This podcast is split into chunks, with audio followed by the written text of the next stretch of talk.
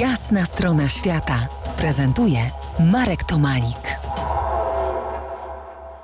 Po jasnej stronie świata Katarzyna Szełemej-Pobożniak, podróżniczka, etnolożka zakochana w Ameryce Łacińskiej, trenerka rozwoju osobistego.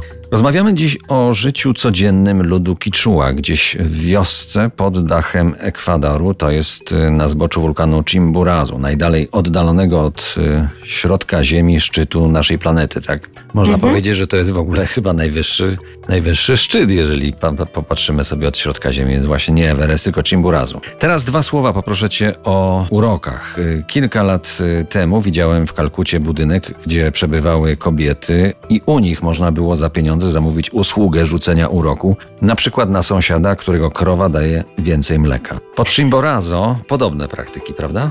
Tak i nie, ponieważ czarna magia to jest strefa tabu. Nikt e, otwarcie nie przyzna się do, do tego, że, jest, że uprawia czarną magię. Jak sprawa jest naprawdę poważna, wtedy pojawia się zazwyczaj pomysł taki, że, że trzeba sprawdzić, czy to przypadkiem nie jest e, sprawa magii. Rzuconego uroku, tak? rzuconego uroku, tak. I wtedy ta osoba, sprawca tego nieszczęścia, idzie właśnie do takiego czarnego maga, na przykład z wyciętym w ziemi śladem naszego buta, albo z włosem, albo z jakąś częścią naszego ubrania i prosi o rzucenie czaru na, e, na tą osobę. Dobrze, a jak się, jak się y, odbywa odczynianie, czyli usuwanie takiego uroku? Y, Troszkę to obserwowałem, bo byłem takim obserwatorem Kongresu Szamanów y, w Limie, w Peru, wiele lat Mhm. temu i tam to się odbywało przy pomocy takiej wody kolońskiej, czy też innego Tak. alkoholu wypluwanego na tego, który miał mieć odczynione pewne rzeczy.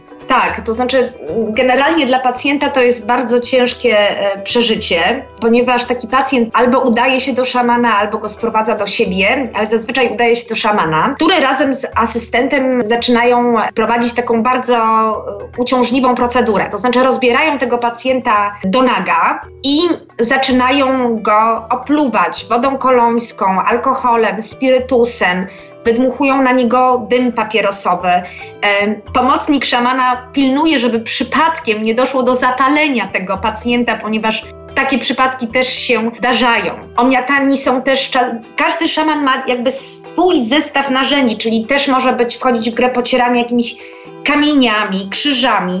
Bardzo powszechne jest wysysanie zła z ciała pacjenta przez jajko. Zdarza się też, że bezpośrednio szaman zsie skórę pacjenta. Trwa to wiele, wiele godzin.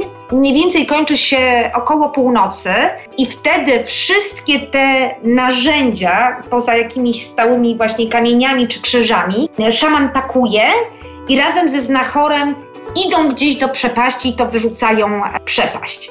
No, to znaczy, że oni za y, naszą medycyną zachodnią chyba specjalnie y, nie przepadają.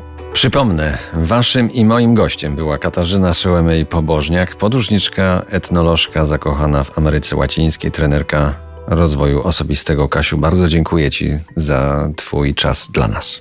Dziękuję bardzo również za, za rozmowę. To była jasna strona świata w RMF Classic.